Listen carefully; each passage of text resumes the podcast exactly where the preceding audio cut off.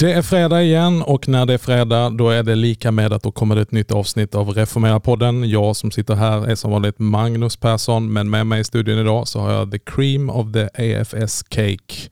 Kerstin Oderhem, missionsföreståndare. Välkommen hit. Tack.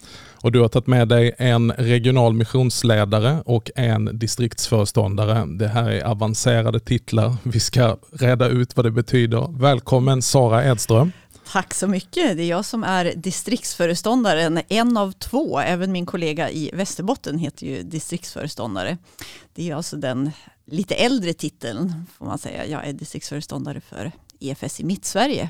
Ni är inte uppgraderade till system? Vi är inte uppgraderade. Nej, vi håller på traditionen så. Men en del är lite modernare, som min kollega Mikael här intill som är regional missionsledare. Men du sa innan vi går över till Mikael, eh, du är då för vilken region, vilket distrikt? Eh, Mittsverige. Och det innebär? Distriktet och det innebär de fem stiften Uppsala, Stockholm, Västerås, Strängnäs och Visby stift. Wow, det där Ett är... stort område, stort och vackert område. Hur länge, hur länge har du varit distriktsföreståndare? Jag kom hit första september så att jag börjar närma mig ettårsdag men inte riktigt än utan så. Ni som har hört vårt jubileumsavsnitt, avsnitt 100 för bara tre fredagar sedan, ni har ju hört Sara lite grann där vi har klippt in eh, henne och vad hon hade att säga på den tiden som församlingsherde i Gamla Uppsala församling. Vad spännande, då måste jag lyssna på det avsnittet och höra vad jag ja, sa. Det, det, finns, det finns dokumenterade här i våra arkiv men du sa fantastiska Fint. saker som vi klippte ut i vår minneskavalkad. Vad spännande. Jag träffade någon häromdagen som påminner mig, som, som hälsade på mig och sa att det var det jag lyssnade på i podden. Så jag tänkte, oj, undrar vad jag sa då. Men This pod will make you world famous. Då är det väldigt trevligt att få vara här igen. Mikael, och så har vi dig, regional missionsledare i EFS Västsverige. Ja, stämmer. Och det är tre stift om vi ska prata områden. Så är det Karlstad, Skara och Göteborg. Just det. Eh, och vad, vad är en typisk arbetsdag? Finns det överhuvudtaget sådana för en DF eller en regional missionsledare? Eh, nej, det är det korta svaret. Ja. Utan det ser väldigt olika ut Ja. olika veckor. Vi försöker få struktur på det tillsammans med dem jag arbetar med på kansliet. Men eftersom veckorna ser olika ut så är det inte helt enkelt. Och stora områden, många föreningar, flera Mm. stycken samarbetskyrkor, samverkansavtal, olika grejer att se över och coacha och så vidare. Och Kerstin, du har samlat och du gör det regelbundet till ledningsgrupp, eh, regionala missionsledare och idag har ni också varit tillsammans med SALT. Berätta, vad har ni gjort? Idag så, vi började efter lunch så vi har inte hunnit så långt just nu när vi talar in det här. Eh, men vi eh, pratar om alla generationers kyrka, om att vara unga och äldre tillsammans, hur når vi barn och ungdomar, hur eh, vill de stanna kvar i kyrkan Eh, och vad kan vi göra för det? Mm. Det är en viktig fråga som egentligen alla trossamfund över hela världen ställer sig idag. Mm. Hur når vi nästa generation? Ehm, och, och det är lite olika, både med barn och med ungdomar, men också den här stora identifierbara gruppen som är någonstans på resa mellan ungdomsliv och vuxenliv. Har ni gjort några slutsatser eller kommit till några insikter?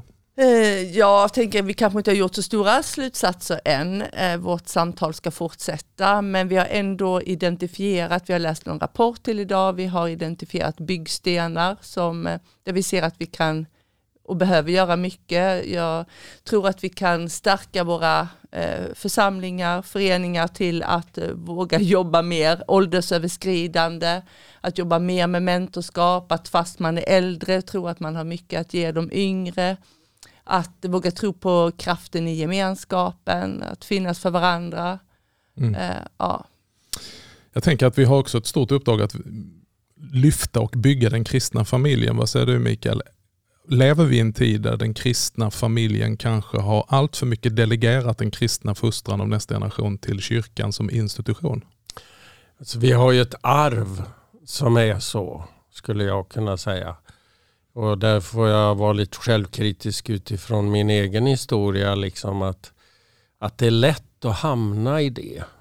Sen får vi också se att, att eh, det ser annorlunda ut idag, våra hem, än vad det har gjort om man går tillbaka i tiden bara 20-30 år så, så har saker och ting förändrats ganska mycket. Mm. Och det behöver vi också som rörelse tänka kring. Mm.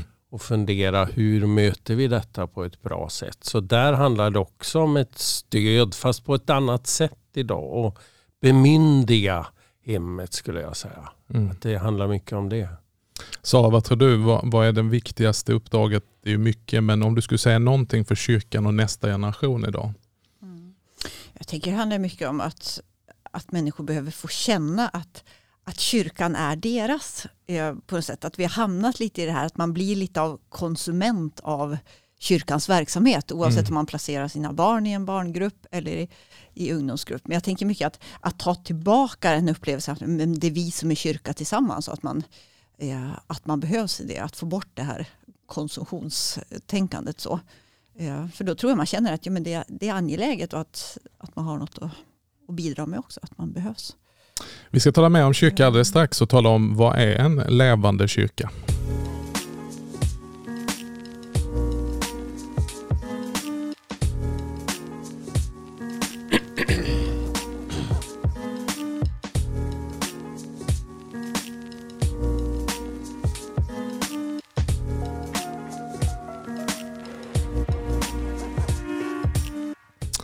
En levande kyrka, det är väl någonting som vi alla längtar efter, men vad är egentligen det? Eh, I förbindelse med våra fortbildningsdagar som vi arrangerar utifrån EFS Sverigeavdelning tillsammans med Johannelund och en del andra eh, lokala och regionala aktörer så har vi alltså Mission i Sverige, fortbildnings och förnyelsedagar sedan många år tillbaka. Kerstin, om du börjar berätta lite grann historia med det. Hur kom det sig att EFS började arrangera de här dagarna? Eh, Det började att vi såg ett behov av att mötas och samtala kring hur når vi ut med evangeliet i vår tid? Hur berättar vi för människor om Jesus? Vad är våra utmaningar? Och att eh, vi är många som står i det tillsammans. Mm. Och då började vi bjuda in till Mission i Sverige. Och drygt, vi är uppe i nästan 15 år va? Det är möjligt att det är det. Mm. Eh, Mikael och Sara, ni har ju både varit med på Mission i Sverige och varit med och arrangerat Mission i Sverige. Tror du det finns ett behov av den typen av fortbildningsdagar och förnyelsedagar? Vad säger du Sara som har varit för, församlingsherde, ni som har lyssnat till den här podden innan, ni har ju faktiskt mött Sara, men då i egenskap av församlingsherde i gamla Uppsala församling. Eh, om du tittar på det perspektivet. Ja.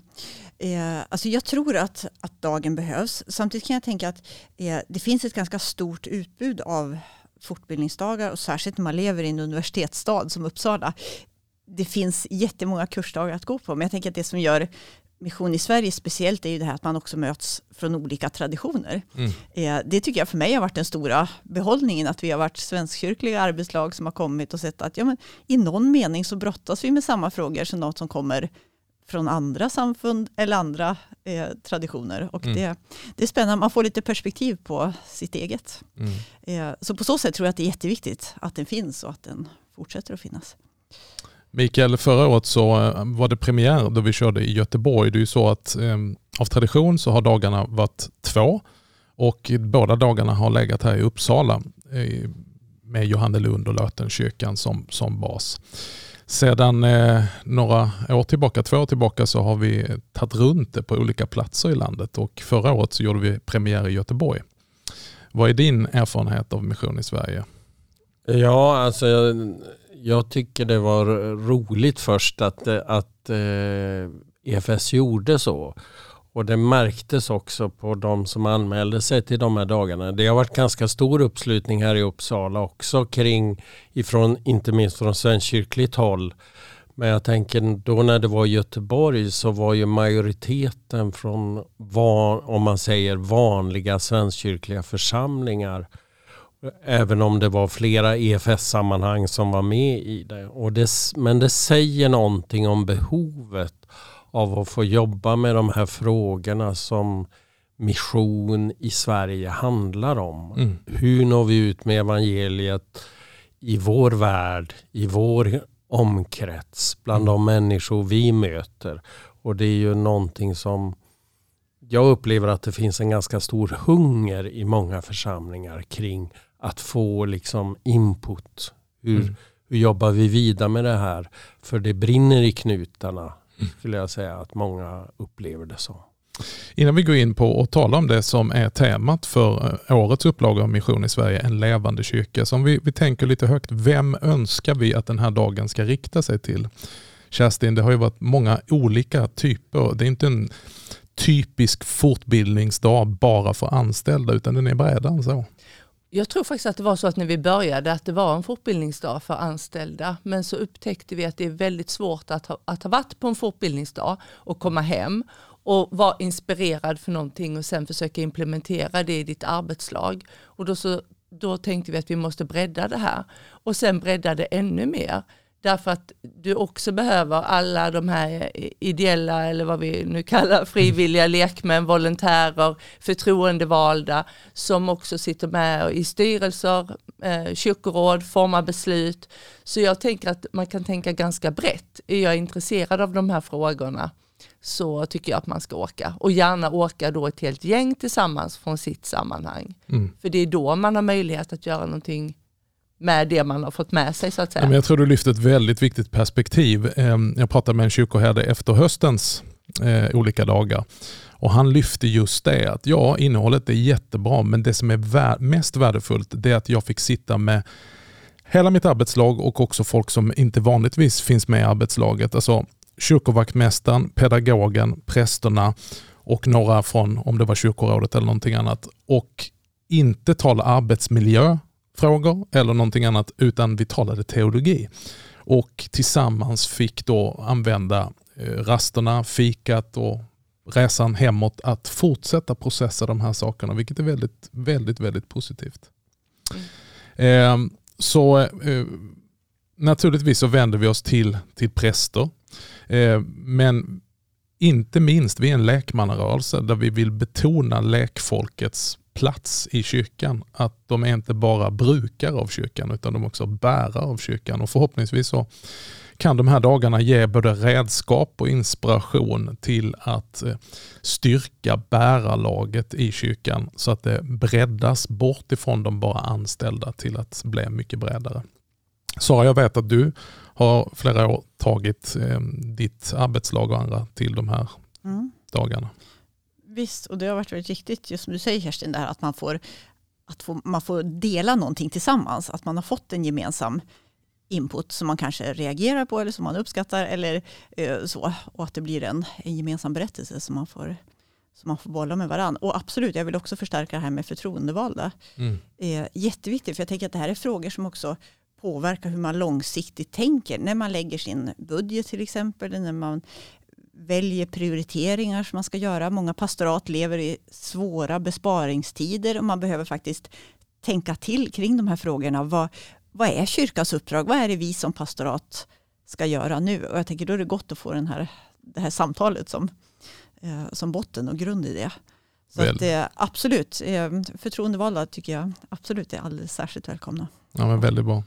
Och Micke i, i Göteborg på ett alldeles speciellt sätt. Det var ju lite spännande att se första gången vi var där. Så var det ju ett, en väldigt spännande mix av folk eh, med. Eh, folk från kyrkor och församlingsråd. Eh, många frivilliga och väldigt mycket präster från Svenska kyrkan som kom och längtade efter den här typen av fördjupning och förnyelse. Mm. Och det Just det här som jag liksom vill lyfta fram, det här med det finns en nöd för det här måste vi ta tag i. Och Det handlar inte bara om att en kyrkoherde tänker så utan det handlar faktiskt om att flera engagerade i olika sammanhang tänker jag men här, det här är livsviktigt. Vi, vi, vi, Sverige idag, vi behöver verkligen ta tag i de här frågorna. Så mm. det är väl det jag kan spåra i det här. Liksom. Mm. Och då tar vi sats emot hösten. Fyra dagar har vi det här året. I Uppsala den 5 september här i Lötenkyrkan. I Umeå den 7 september. I Tägs kyrka och sen är vi tillbaka i Göteborg den 14 september på samma plats i Johannebergs församling, Johannebergskyrkan och sen i Kalmar den 16 september. Och vi återkommer lite grann och diskuterar innehållet.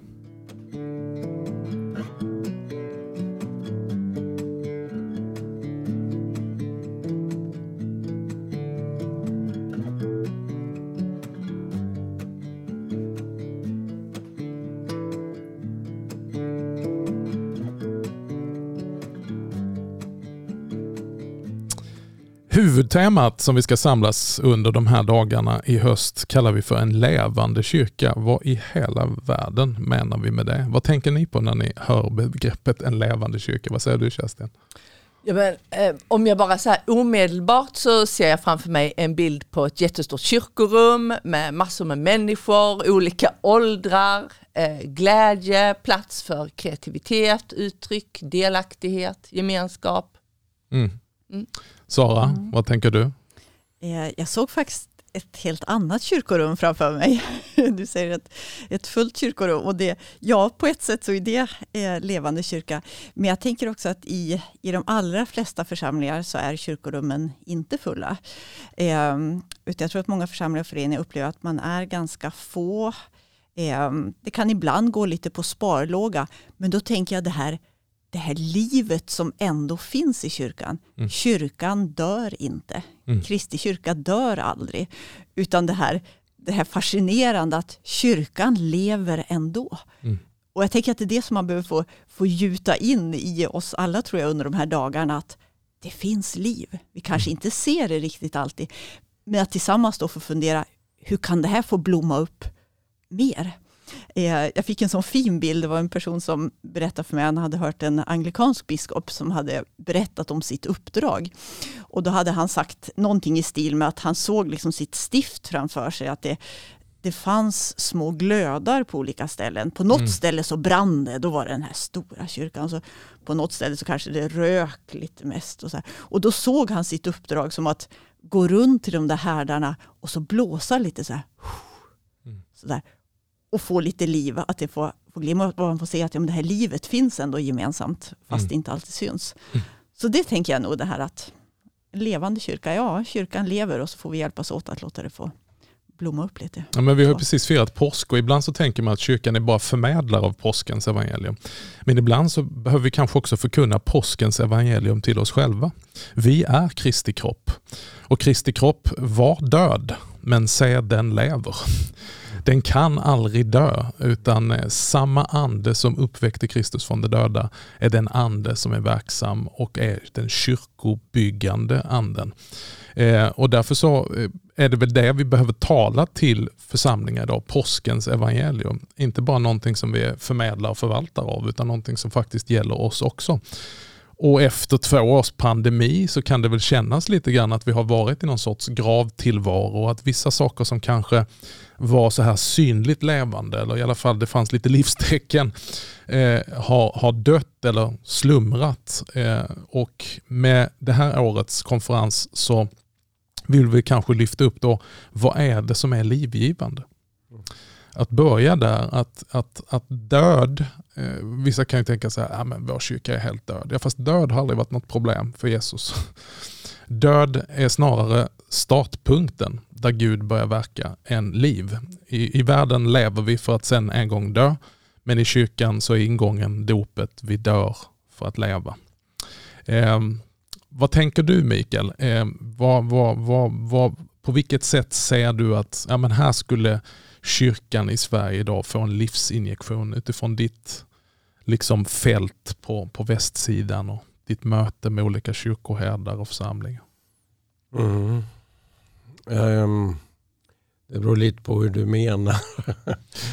Men uh, ja, alltså kan du, hur, hur hur, hur, hur, kan vi, hur, hur, kan vi hjälpa kyrkan? Alltså vad behöver kyrkan ja. på nytt bli mm. levande? Ja, precis. Jag tror att i, dels så tror jag att vi behöver hjälpa kyrkan att se det som händer. Faktiskt. Mm. Ibland tänker vi oss att det ska vara så stort. Mm. Men ofta när Guds rike börjar verka så sker det i det lilla. Ser ni det icke som det står i, mm. i den gamla översättningen. Alltså att, att det spirar, att mm. det är på gång. Och det behöver vi få ögon att se. Mm. Därför att det är ändå Gud som gör att det händer någonting. Och det behöver vi upptäcka och sen vara med och vara med i det verket. Det tänker jag är en viktig bit. Så att vi inte stirrar oss blinda på att det är en viss metod, ett visst sätt man ska göra och alla måste göra på samma sätt. Egentligen tycker vi inte det, men ibland kan vi hamna i det. Det är väldigt lätt att göra det. De har gjort så i Sankta Clara, ja men då ska vi göra på samma Mm. sätt. Men vi är inte Sankta Clara. Mm. Utan, och, och lite så tänker jag att vi behöver se våra olikheter utifrån den situation vi är i och uppmuntra varandra i det. Och det tror jag en sån här grej kan Mm. hjälpa till. Ja, jättebra. Och just det här du säger att inte bara pusha en speciell metod. Det är jag glad för att Mission i Sverige är snarare väldigt välkomnande för alla goda metoder. Men att inte stirra sig blind på metoden. Utan att kanske ännu mer lyfta principen som ligger under metoden. Sen kan den få många olika uttryck beroende om du är landsbygd eller storstad, om du är en stor kyrka eller liten kyrka. Eh, om det är en husgrupp eller om det är en, eh, ja, en, en, en, stadsdelsförsamling. Men att just lyfta fram detta som är livgivande för Mm. kyrkan. För att Mm. vi är ju kallade att ge liv till våra samhällen, att ge liv till enskilda människor, att vara bärare av liv. Det är det som händer vid mässan. Mässa och mission är inte motsatsförhållande utan vid altaret började därför jag blev bärare av Kristus och hans liv Mm. och sen så sänds jag ut att ge det livet vidare. Eh, men Sara, vad är då de här livgivande sakerna som vi kan lyfta fram till församlingen som man kanske ännu mer behöver eh, Eh, fånga in när man har blivit upptagen av väldigt mycket annat som kan se ut som liv. Men som egentligen bara är massa verksamhet men som kanske inte är så mycket liv i sig. Vad är det mest centrala livgivande som kyrkan behöver återerövra eller bara liksom ännu mer betona? Jag tror att det handlar väldigt mycket om att, att hitta de här grundläggande källorna eh, igen. För vi kan ju så lätt hamna i den här prestationsångesten att hitta nya gudstjänstformer och så. Det kan, det kan också behövas, det har också sin funktion. Men jag tänker faktiskt det här att få hitta tillbaka till den grundläggande mässan, bönen, det andliga samtalet sinsemellan, eh, det som är det allra mest basala och faktiskt lita på att det räcker. För Mm. jag tror att det är där som vi ibland har tappat lite tillit. Att vi, vi vågar inte riktigt lita på att kanske mässan i sig eller bönen i sig faktiskt har den här kraften. Mm. Och jag tror faktiskt lite det här att få, att få landa i det och tänka att jo, men trots att situationen är så utmanande nu att vi ser att det är en svår situation för vår församling eller kyrka. Jag tänker, jo, men vi får lita på det här håller. Det har hållit i massor med år förut. Kyrkan har gått igenom sina toppar och dalar och utmaningar. Men kyrkan lever hela tiden. Mm. Och gudstjänstfirande och mässfirande, det har gått som en röd tråd eh, hela tiden. Mm. Och jag tänker precis på det du säger att den unga kyrkan, den första kyrkan vi läser i Apostlagärningarna 2, det var egentligen fyra saker som det står att de höll fast vid. Det var apostlarnas undervisning, det var brödsbrytelsen, alltså mässan, det var bröderna, alltså gemenskapen bröder och systrar och så var det bönerna. Och jag tänker att här finns eh, pelarna i Guds rike som kan låta så otroligt basic och, och, och gammalt. Men en sak som är väldigt tydlig och som kanske pandemin har lyft fram, det är ju vårt behov, jag vet att du brinner för det eh, Kerstin, att bygga livskraftiga gemenskaper. Ibland när vi tänker på kyrka så tänker vi väldigt enögt gudstjänst.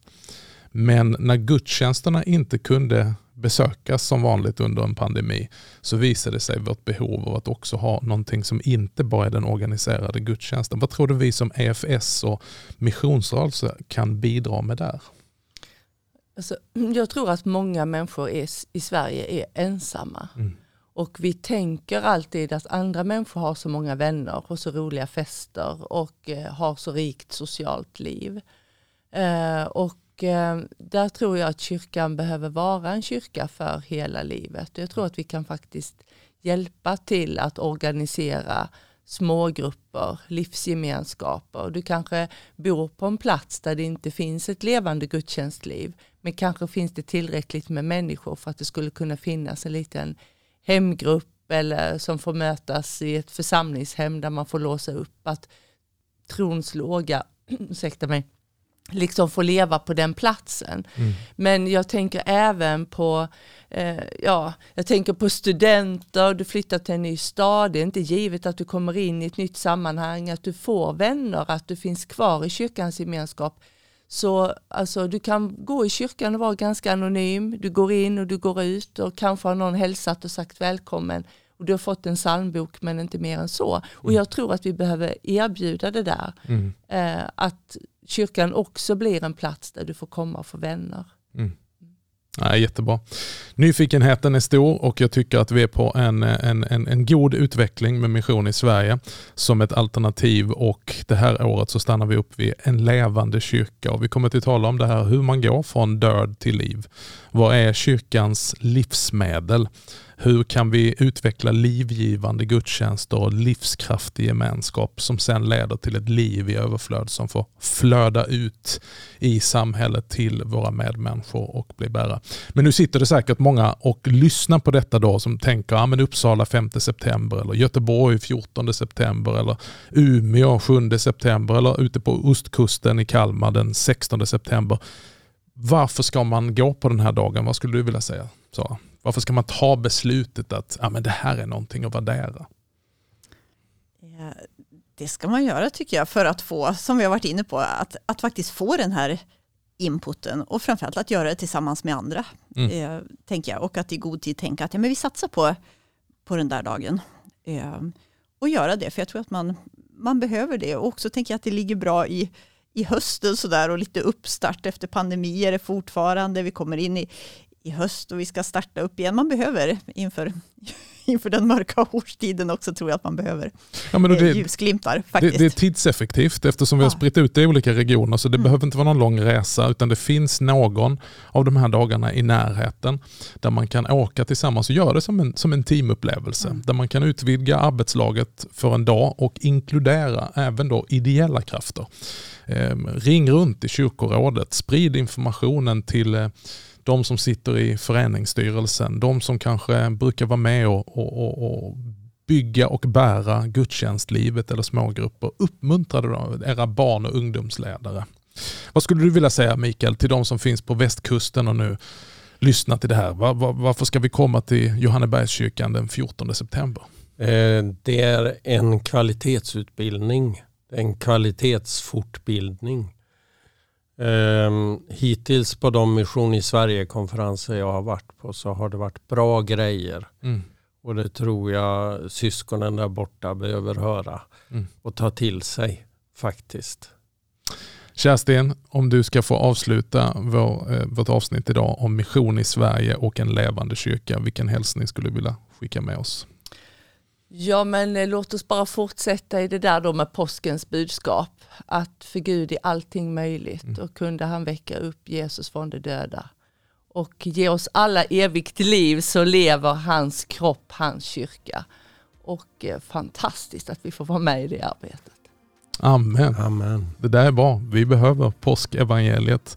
Och påsken är inte över som vissa svenskar tror att påsk har vi firat utan det är ju nu vi lever mitt i påsktiden och är resultatet av påskens underbara budskap att död har vänts i liv. Förgänglighet i oförgänglighet och eh, vi är på den vinnande sidan. Tack ska ni ha för att ni offrade er kanelbulle och kaffe och kom och satt med mig här i studion. Jag hoppas att ni får någon bonusbulle innan ni går vidare. Det ska vi nog ordna. Ja, Det fixar du Micke. jajamän. Tack ska du ha som har lyssnat på oss ytterligare en fredag och vi hoppas som sagt att vi ser dig i Uppsala 5 september eller i Umeå 7 september, Göteborg 14 september eller Kalmar den 16 september. Och mer information det hittar du på missionisverige.com. Vi ses och hörs nästa fredag.